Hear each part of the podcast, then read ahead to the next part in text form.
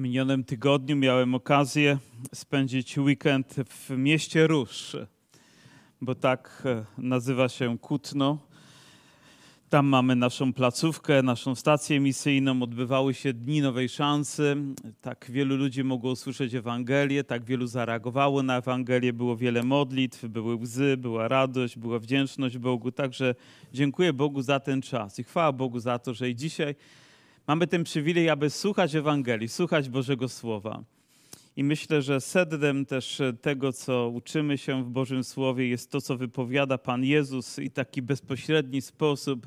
A jeżeli byśmy szukali takiej dłuższej, bezpośredniej wypowiedzi, to właśnie odnajdujemy ją w kazaniu na górze, gdy Jezus staje wobec wielu tłumów ludzi, tysięcy być może, które tam się zebrały, wypowiada te pełne życia i pełne mocy słowa łaski.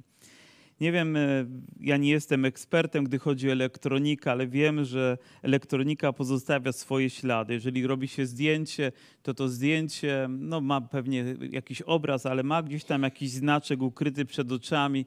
Wiadomo, jakim sprzętem zostało zrobione. Być może nawet GPS zarejestruje, gdzie zostało zrobione, o jakiej porze i wiele innych danych one pozostawia tak myślę sobie, wybiegając nieco w przeszłość, o słowach, które wypowiedział Pan Jezus. Każdy z nich, powiem, jest tak niezwykły, jest tak cenne i mam wrażenie, że ma również pewien ślad, ślad przeznaczenia, że gdzieś tam było to już zamierzone, że te słowa zostaną wypowiedziane i każdy z nich zostało określone w swojej wartości i celowości. I wiecie, najbardziej się cieszę, że tam w tym kodzie było ujęte to, że ono miało dotrzeć do mojego serca.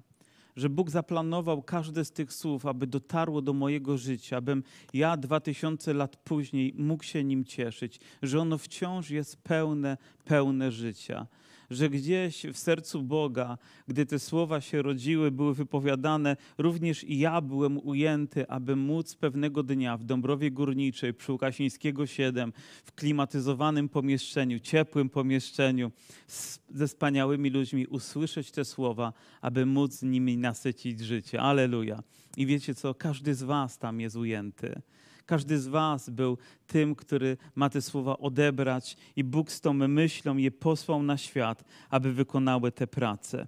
I rozpoczynamy od słów, które zapraszają nam, nas do czegoś wyjątkowego.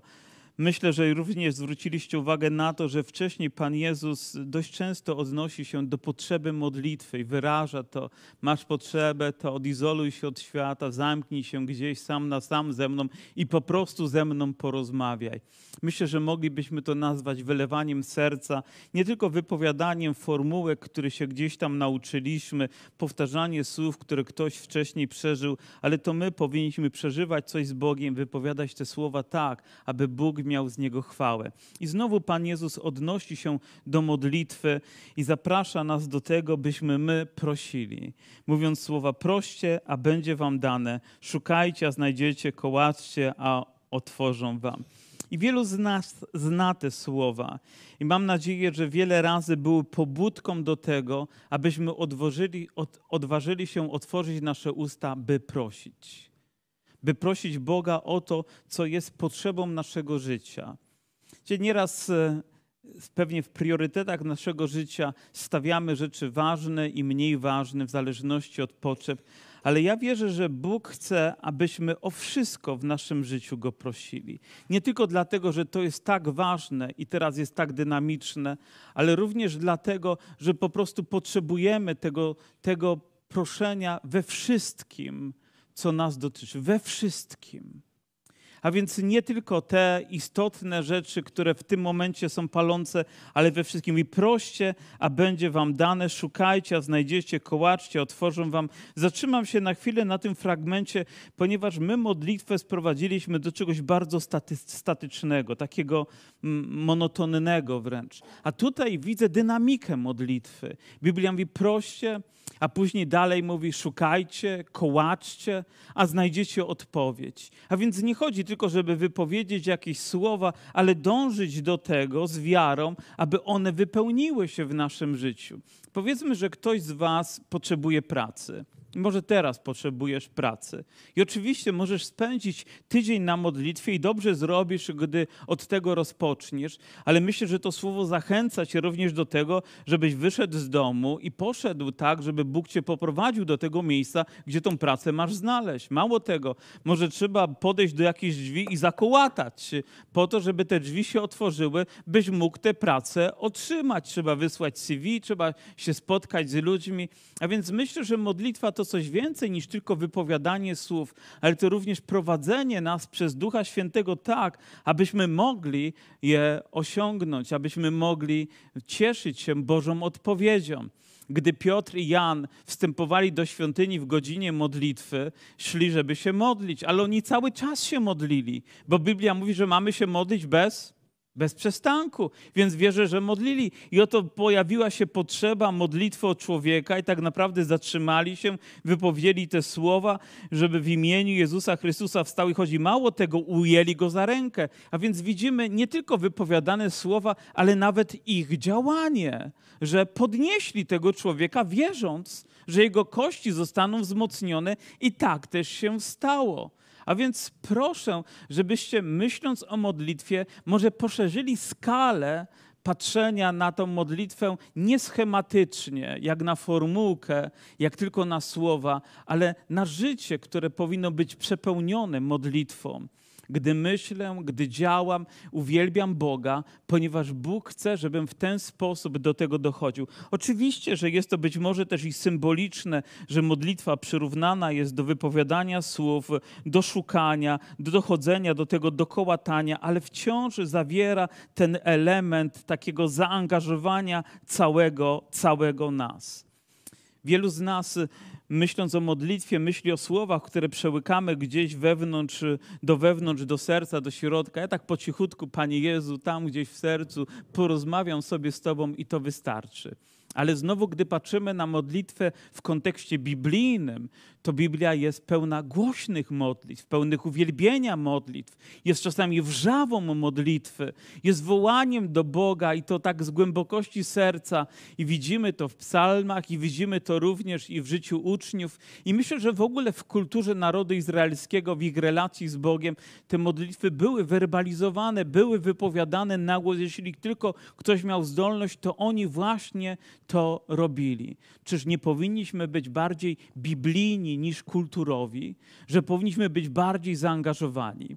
Dla nas, dla mężczyzn, czasami modlitwa wydaje się czymś czasem nudnym. Faceci nie przychodzą na spotkania modlitewne, bo czasami uznają, że to jest strata czasu, bo w tym momencie można więcej pieniędzy zarobić, można inne rzeczy zrobić, można pewnie sobie dać trochę przyjemności, można pójść w góry i tam też będę się modlił. Ale jeżeli zlekceważymy życie modlitewne, na pewno się duchowo nie rozwiniemy. Na pewno.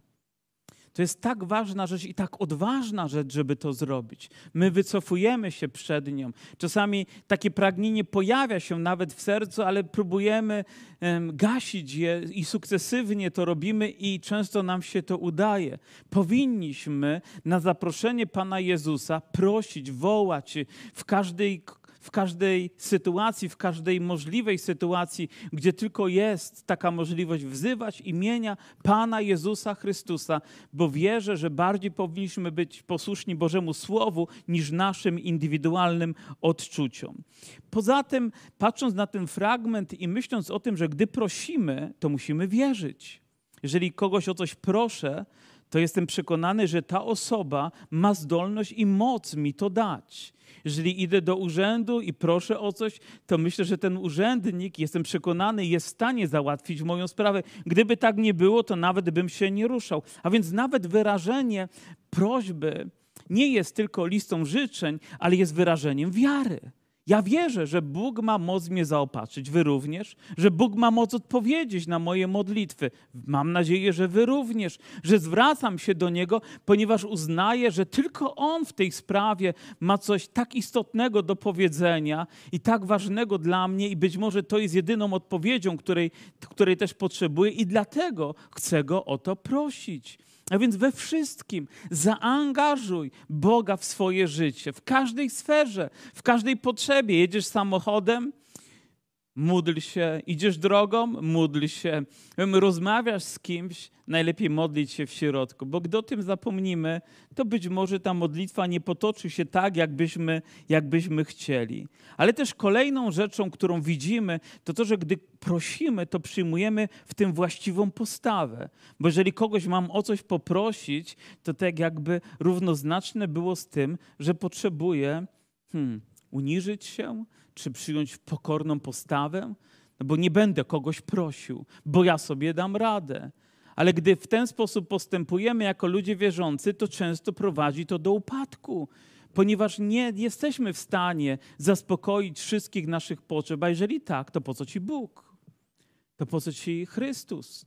On przyszedł po to, żeby się też troszczyć o ciebie, po to, żeby odpowiadać na twoje potrzeby, po to, byś widział Jego działanie w swoim sercu. A gdy widzisz to działanie, to jeszcze bardziej pragniesz Go poznawać. Nie dlatego, żeby więcej otrzymać, ale dlatego, że wiesz, że On ma wszelką moc.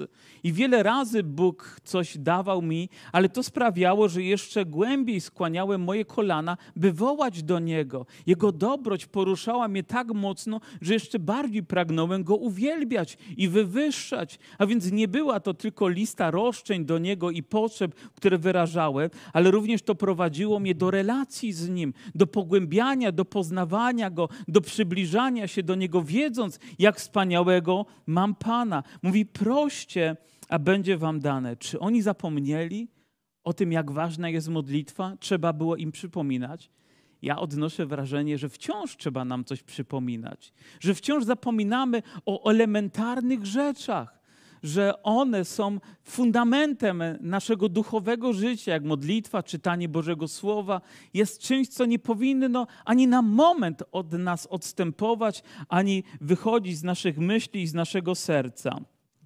A więc proszenie mówi o wierze mojej w Boga, jest aktywną modlitwą dochodzącą do tego, co chcę zobaczyć w moim życiu.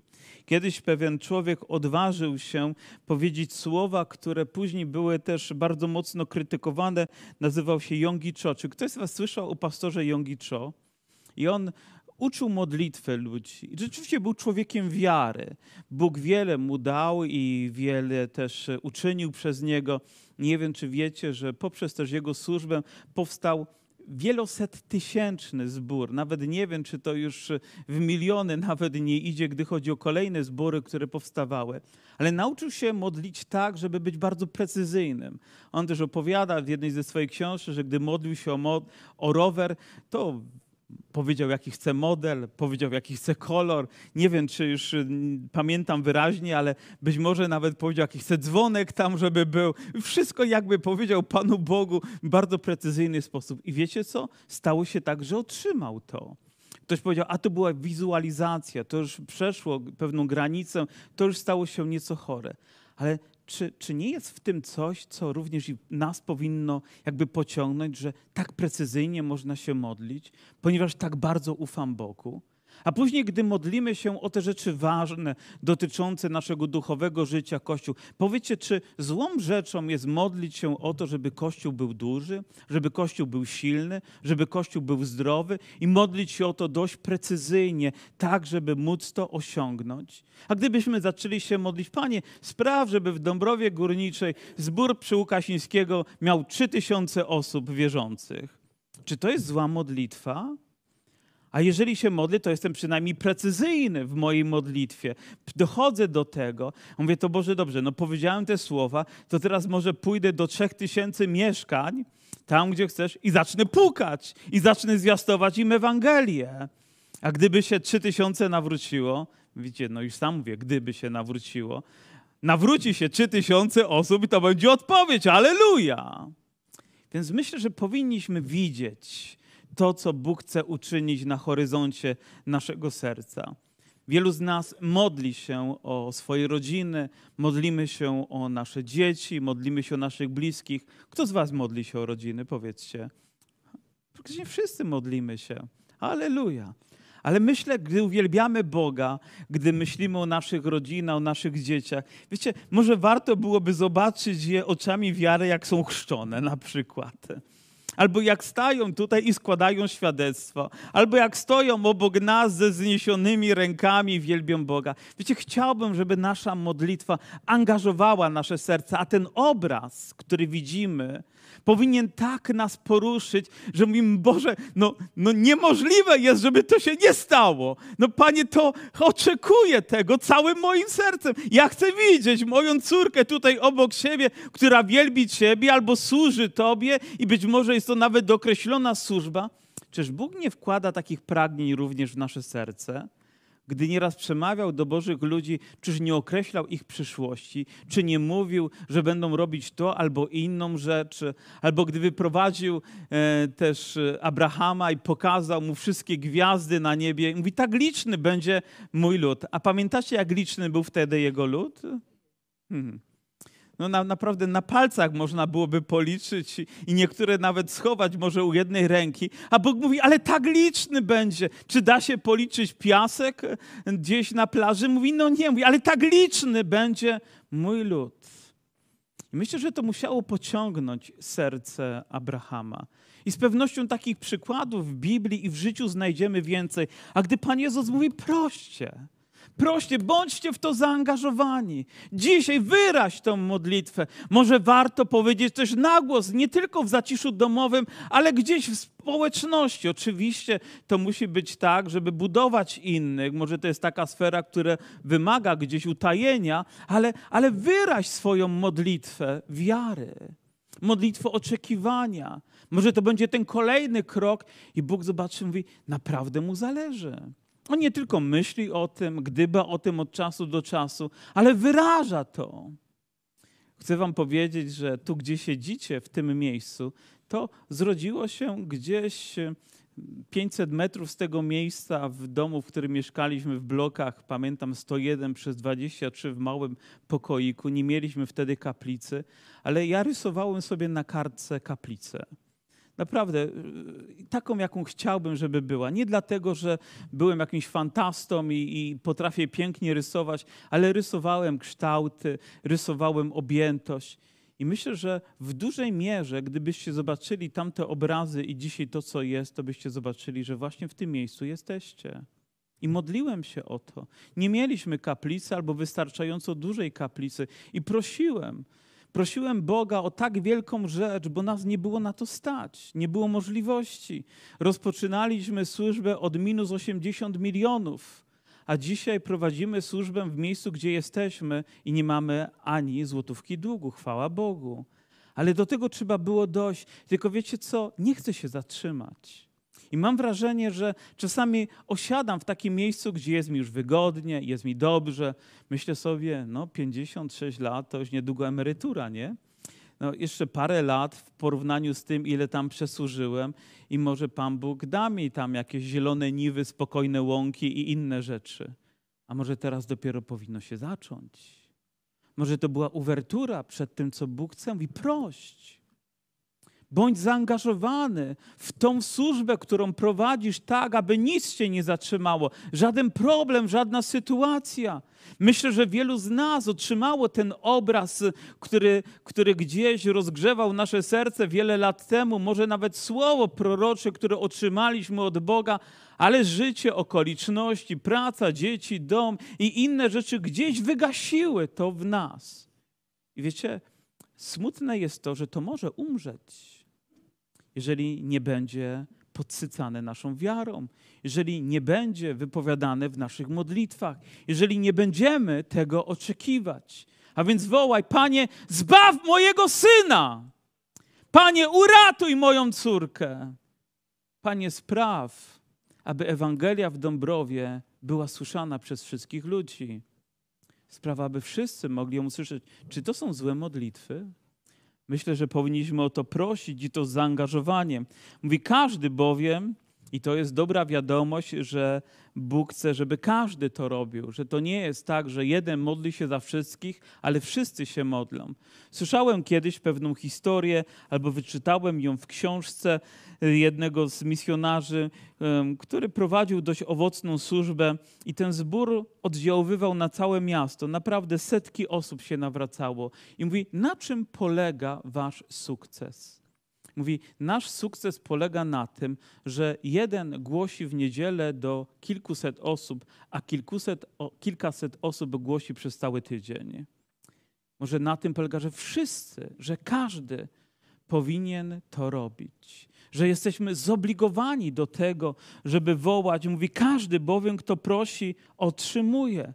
Może już dawno te słowa nie zostały ci przypomniane, ale Pan chce ci dzisiaj przypomnieć, że On chce odpowiedzieć na Twoją prośbę, na Twoje wołanie. A kto szuka, znajduje, a kto kołacze, temu otworzą. Czyż jest między wami taki człowiek, który gdy syn będzie go prosił o chleb, da mu kamień? Powiedzcie, czy jest tutaj choć jedna osoba, która gdy synek by przyszedł i powiedział, tato, jestem głodny, i być może nawet było to widać w jego oczach i po twarzy, że naprawdę jest głodny, a wy macie chleba pod dostatkiem, ale zamiast chleba dajecie mu kamień? My, ludzie wierzący, czy ktoś by z was tak postąpił? Absolutnie. Myślę, że taka osoba powinna być wykluczona ze zboru, gdyby w ten sposób postępowała. Mówi więc, Pan mówi tak, mówi, albo gdy będzie go prosił o rybę, da mu węża, jeśli tedy wy, będąc złymi, to znaczy, że według natury my nie jesteśmy dobrymi ludźmi, nie jesteśmy doskonałymi ludźmi. Oczywiście wtedy każdy z nas powie, ale nie jestem gorszy od tego, co siedzi obok mnie bo my lubimy się odnosić do innych. Ale Pan mówi, że nie jesteśmy doskonałymi ludźmi, będąc złymi, potraficie dawać dobre dary dzieciom swoim. I tutaj zwróćcie uwagę na te słowa, które też i mnie poruszałem, o ileż więcej. I nie wiem, czy jest taka skala, która, którą człowiek mógł wymyśleć, która by wyrażała to o ileż więcej czy jest taka jednostka, którą my możemy zmierzyć, o ileż więcej Ojciec Wasz, który jest w niebie, da dobre rzeczy tym, którzy Go proszą. Więc jeżeli prosimy Boga o te dobre rzeczy, wiecie, słowo znowu powrócę do tego proszę, ono sprawia, że przychodzimy z pokorą do Boga, że wierzymy Bogu. A jeżeli tak jest, jeżeli uniżymy się przed Bogiem i staniemy przed Nim, Wiecie, gdybyśmy w tym momencie mieli okazję stanąć twarzą w twarz z Panem Jezusem Chrystusem w taki fizyczny sposób, myślę, że nasze modlitwy wtedy by zupełnie inaczej wyglądały. Że, że wiele rzeczy poszłoby w cień zapomnienia, a modlilibyśmy się o to, co naprawdę jest istotne o to, co też jest ważne w tym momencie. Choć wiem, że Bóg chce we wszystkim, ale, ale rozumiecie, że serce, które będzie przy Bogu, będzie prosić o to, co właściwe. Nie o to, co tylko zużyjemy dla naszych potrzeb, ale o to, co będzie służyć Jego chwale. Jakub mówi: Nie otrzymujecie, bo nie prosicie. A później prosicie i nie otrzymujecie, dlatego że zamierzacie to zużyć tylko dla własnych potrzeb. Być może dla podbudowania swojego ego, albo nie wiem, rozmnożenie, tylko mówi, nie, mówi, bo źle prosicie, mówi, ale jeżeli będziemy prosili z wiarą o te rzeczy, które mają znaczenie i dla Boga, dla nas, Bóg odpowie w swojej wielkiej mocy na wołanie swojego, swojego ludu. O ileż bardziej Ojciec Niebieski da dobre rzeczy. I tutaj kolejna dobra wiadomość, że Bóg zainteresowany jest tym, by obdarzać nasze życie dobrem.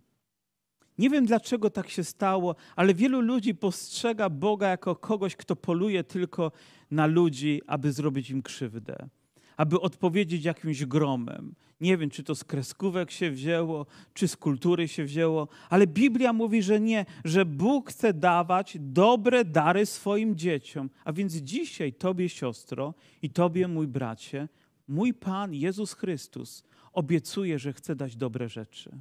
Czy chcesz je wziąć? Czy jesteś gotowy po nie przyjść? Czy jesteś gotowy po nie zawołać? Wielu ludzi też boi się przyjść do Boga, bo jest to związane z pewnym ryzykiem i nawet może niebezpieczeństwem, że przychodząc do Niego, Bóg pozbawi nas dobra. Że Bóg tak ograniczy nasze życie, że uczyni nas nieszczęśliwymi. Ja nie wierzę w taką teologię. Wierzę, że mogą przyjść doświadczenia, ale jeżeli jestem z Bogiem, to nie tylko przez nie przejdę, ale nawet w tym momencie Bóg uczyni to życie wyjątkowym dla, dla mojego serca i dla moich potrzeb. Więc jeżeli moje dziecko przychodzi do mnie prosząc o coś, to ja dam mu nie tylko to, o co prosi, ale uczyni o wiele więcej, dlatego że jest moim dzieckiem i będę chciał się o nie zatroszczyć najlepiej, jak potrafię, więc nie jest moją wolą uczynić uczynić go męczennicą, tylko czy męczeńskie życie mu zafundować, ale chcę dać dobre rzeczy, te najważniejsze dla niego. I tak samo ty, gdy przyjdziesz do Boga, nawet z obawą, nawet czasami z drżeniem, to wiedz, że przychodzisz do tego, który chce dać Twojemu sercu to, co jest dla Ciebie tak niezwykle ważne i potrzebne. I zacznij od tego pewnie, co najistotniejsze. Jeżeli ktoś by na tym miejscu nie był zbawiony, da Ci zbawienie, da Ci nowe życie, aleluja, da Ci przebaczenie Twoich grzechów, da Ci nowe serce. On przemieni Twoje myśli, da Ci nowe pragnienia, da Ci nowe cele w swoim życiu, bo takim jest Bogiem. A później będziesz potrzebował Jego mocy, da Ci swego ducha i to bez miary, powiedział. Nie dlatego, że na to zasługujesz, ale dlatego, że On jest tak łaskawy. Przecież nie otrzymaliśmy, jak mówiliśmy do Galacjan, dlatego, że na to zasłużyliśmy, ale dlatego, że modliliśmy się z wiarą, prosiliśmy, a Pan dał swego ducha. Więc czasami ludzie wychodząc mają już tą obawę, nie, nie, nie dostanę, ponieważ nie jestem tego godzien. Wychodząc prawdopodobnie odejdziesz z takimi myślami, jakie przyszedłeś. A jeżeli przyjdziesz prosząc, nawet wiedząc, że nie jesteś godzin, ale Bóg swojej łaskawości da, to On ci udzieli swego ducha i to w całej mierze, w całej pełni da ci swoje dary. Nie dlatego, że od razu nauczysz się nimi posługiwać z taką klasą i z taką, e, z taką zdolnością, że wszyscy inni będą tylko klaskać, ale dlatego, że jesteś Jego dzieckiem. On umieści to w Twoim sercu, a w stosownym czasie będzie wydobywać i zacznie się tym posługiwać i służyć Mu, aby przynosząc Mu chwałę. Po prostu Bóg daje dobre dary swoim dzieciom. Amen. Bo On jest dobrym Bogiem. I tego się uczymy, czytając Boże Słowo i odkrywamy to wciąż na nowo. A więc wszystko, co byście chcieli, aby wam ludzie czynili, to wy i wym czyńcie. Taki bowiem jest zakon i prorocy. Ten wiersz wydaje się być niemalże osobną myślą. Ale może właśnie modlitwa, może to, co otrzymujemy od Boga, prowadzi nas do tego, abyśmy zastosowali tę zasadę. Nazywają ją złotą zasadą, choć Biblia tak nie mówi ta myśl nie powstała z Biblii. Po prostu ktoś uznał, że to jest tak ważne słowo, które powinniśmy stosować i nazwali to złotą zasadą.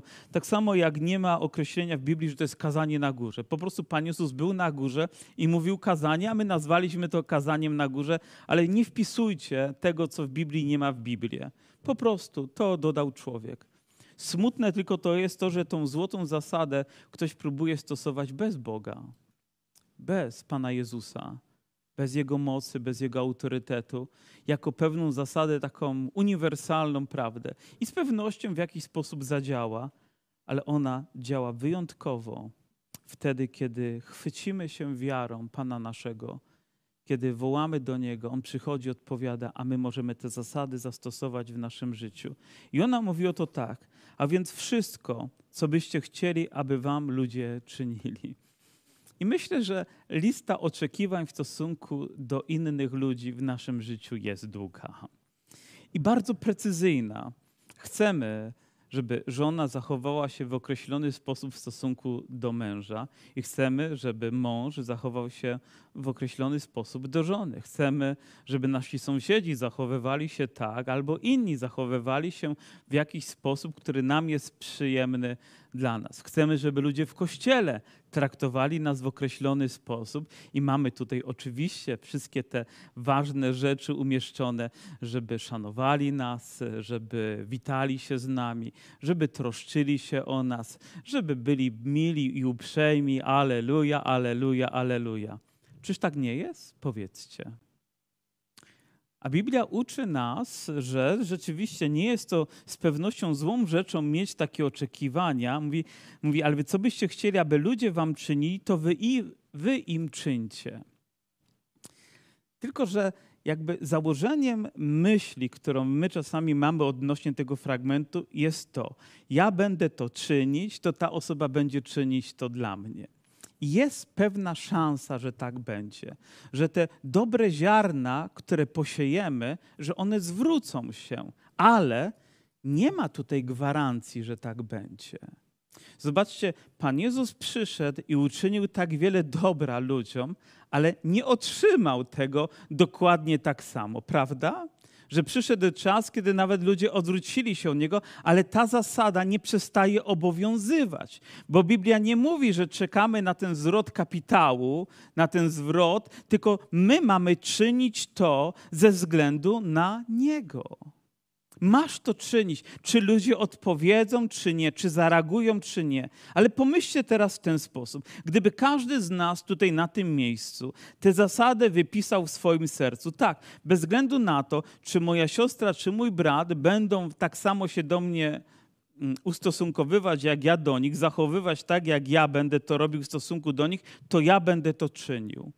Wiecie, co się wydarzy? Gdybyśmy wszyscy to zrobili, że ta zasada się wydarzy. I nie dlatego, że oczekujemy, ale dlatego, że wszyscy zaczynamy to robić.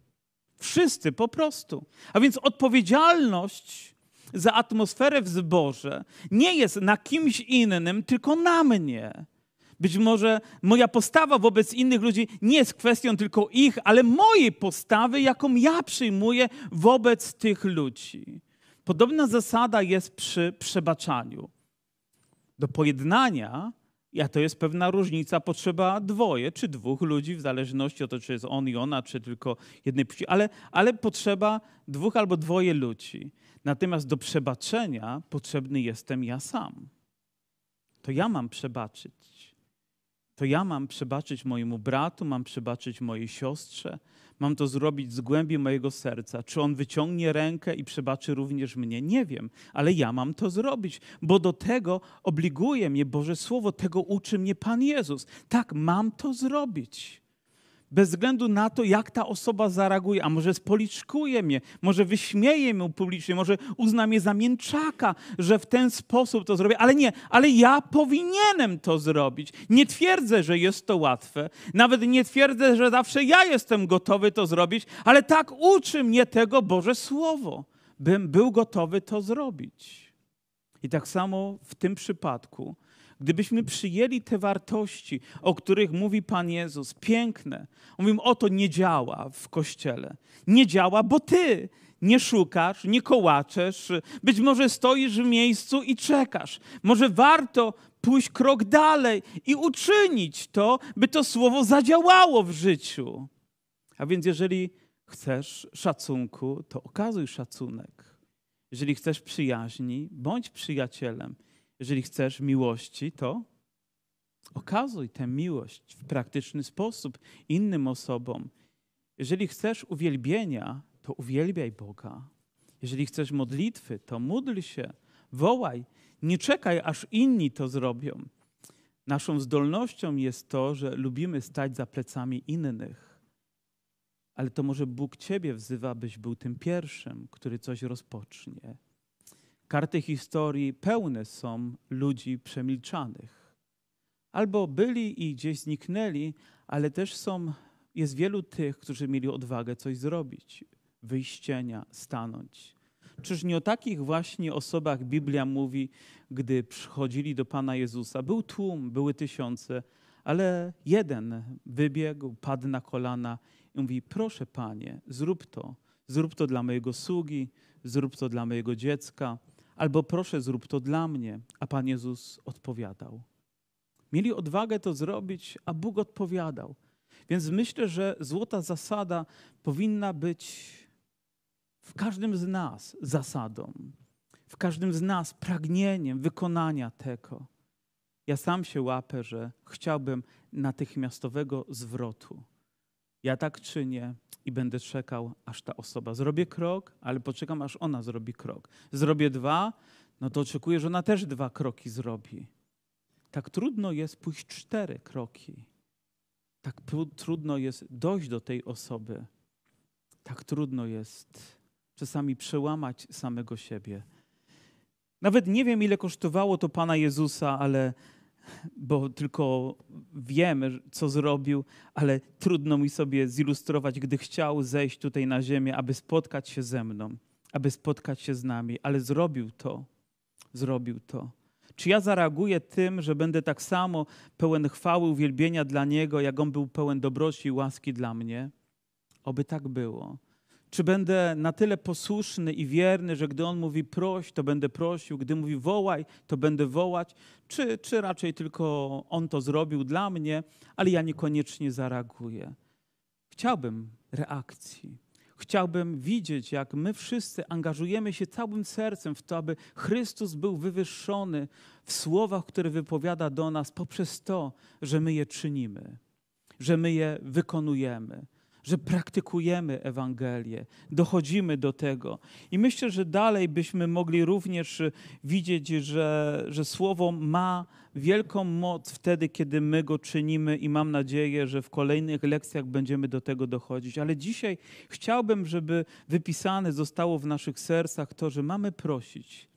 Mało tego, mamy szukać. Jeszcze więcej, mamy kołatać Mamy być aktywni w naszej modlitwie. Mamy pomyśleć słowa, którymi chcemy uwielbić, a później odwagę je wypowiedzieć, a później może nawet wznieść ręce, by uwielbić w taki naturalny, spontaniczny sposób Boga, a później przełożyć to na życie. Panie, chciałbym powiedzieć mojemu tacie, ponieważ nigdy tego wcześniej nie zrobiłem, że go kocham. Więc Bóg wkłada takie pragnienie w moje serce, żebym poszedł i powiedział mojemu tacie, że go kocham. Wiecie, nie mówię tylko teoretycznie, tak było w moim sercu, żeby podzielić się z nim. Co prawda, wcześniej mówiłem tak o dziecku, ale, ale w tym momencie, jako wierzący człowiek, odczułem tak przepartą myśl, tak, tak nieodpartą, przepraszam, myśl w moim sercu, żeby to zrobić. Ale nie pozostałem w domu. Gdy tylko ta myśl dotarła do mojego serca, zamknąłem drzwi na klucz swojego domu, poszedłem przez pola, bo wtedy między Mydlicami a Józefowem e, i Zagórzem była taka ścieżka, nie było tych wszystkich sklepów, które tam po drodze zostały wybudowane. Doszedłem do domu, zapukałem do drzwi, otworzył mój tata i powiedziałem, że bardzo go kocham i że jest wspaniałym ojcem, i że nie wyobrażam sobie, że mógłbym mieć innego ojca. Ale chciałem też powiedzieć, że wiele bardziej jeszcze, tato, niż Ciebie kocham Pana Jezusa i tak bardzo chciałbym, żebyś Ty pokochał Jego. A więc byłem praktyczny. Nie wiedziałem, jak zareaguje. Może ojciec uzna, że jego syn wymiękł na starość albo poszedł w złym kierunku, do sekty w jakiejś wpadł. Wiecie co? Chyba tydzień później mój tata był na nabożeństwie. Po prostu przyszedł na nabożeństwo. Nie chodził do kościoła. Nie był człowiekiem, który lubiałby wyrażać swoje emocje w taki, w taki otwarty sposób. I nie, pamiętam dzień, kiedy już był chory na chorobę nowotworową, jego dni były policzone, że gdzieś w kaplicy z tyłu usłyszałem głos modlitwy.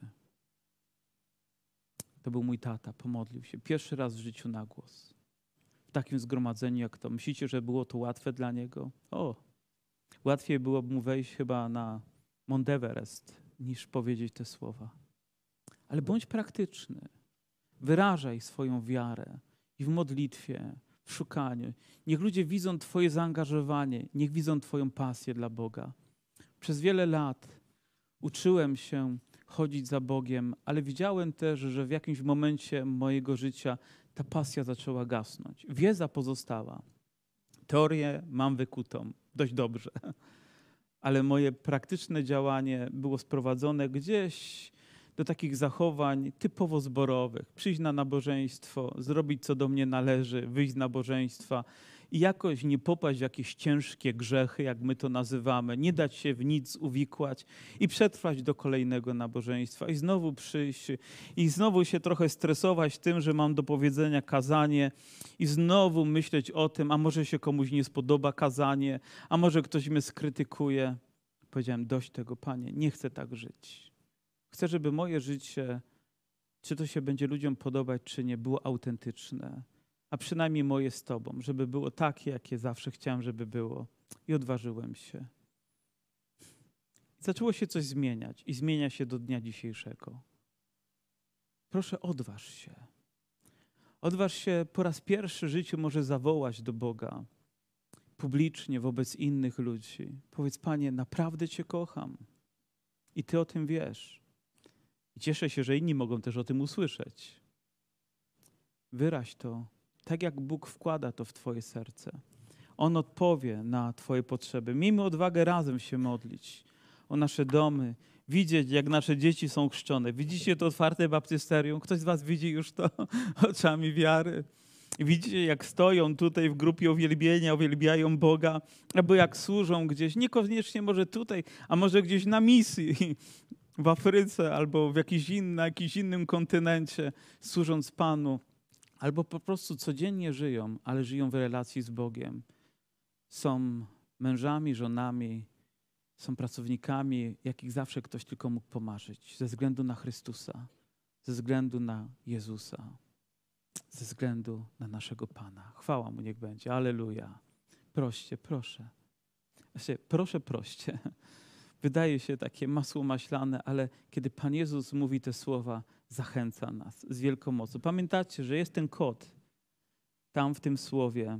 Do kogo jest skierowane to słowo? Mam nadzieję, że wypowiedziałeś tutaj swoje imię. A teraz Bóg mówi: No to ruszcie, idź, a później trzeba stanąć i zakołatać. I gwarantuję Wam, Bóg otworzy o wiele więcej, niż zdajecie sobie z tego sprawę. Największym cudem, jaki Bóg dokonuje, to to, gdy nasze serca się otwierają na Niego, na Jego łaskę, na Jego miłość, na Jego przebaczenie a On daje nam dobre dary. I chwała Mu za to niech będzie. Amen? Tak cicho mówicie. Wielu z Was może śpi. Trzeba temperaturę obniżyć w kaplicy, to od razu pozostaniecie przy trzeźwym umyśle. Powstańmy. I wiecie co? Będziemy się modlić. Będziemy wołać do naszego Boga. Mam nadzieję, że wzniesiecie wasze ręce, wasze serca do Boga. Są chętni na tym miejscu, żeby zawołać do Pana? nie mówię tylko o poprawności zakończenia nabożeństwa, ale o tym, żeby zawołać do Boga. Żeby zawołać do Boga. Mam też pytanie. Czy nosisz jakąś prośbę w swoim sercu, którą chciałbyś dzisiaj wyrazić przed Bogiem? Coś naprawdę palącego, coś, co jest teraz. Nie wymyślasz w tym momencie, o dobra, to co to może być? Co to może być? Ale od wielu może dni, tygodni, miesięcy, a może lat. A może zapomniałeś, że trzeba prosić i gdzieś to zgasło w Twoim sercu, ale Pan nie zapomniał i Ty nie zapomniałeś do końca. Pochylmy nasze głowy. Chciałbym spytać, czy ktoś z Was, mając taką prośbę, jest gotowy podnieść swoją rękę, powiedzieć: Panie, mam taką prośbę, mam. Proszę, podnieście wy wszyscy. A może ktoś z Was nie chce prosić, ale jeżeli macie, to podnieś swoją rękę. Powiedz, Boże, mam coś w moim sercu. Mam. I wiecie, i Bóg mówi, wybieram Ciebie, żebyś powiedział mi o tym. Fajnie byłoby przyjść w niedzielę i powiedzieć już świadectwo. Pan odpowiedział. I wiem, że to jest możliwe. Mało tego, możliwe, że już Pan już teraz odpowiada. Może to słowo jest odpowiedzią na Twoją potrzebę, na, na to, co ukrywałeś w swoim sercu. Ale Pan poprowadzi Cię o wiele dalej. Da odpowiedź. Chwała Mu za to niech będzie. Może Pan przyprowadził Cię specjalnie na to miejsce, aby powiedzieć Tobie, wiesz co, naprawdę chcę, żebyś się do mnie modliła, żebyś się do mnie modlił. Naprawdę chcę tego. Chcę usłyszeć Twój głos. Jak ojciec, który chce usłyszeć głos dziecka.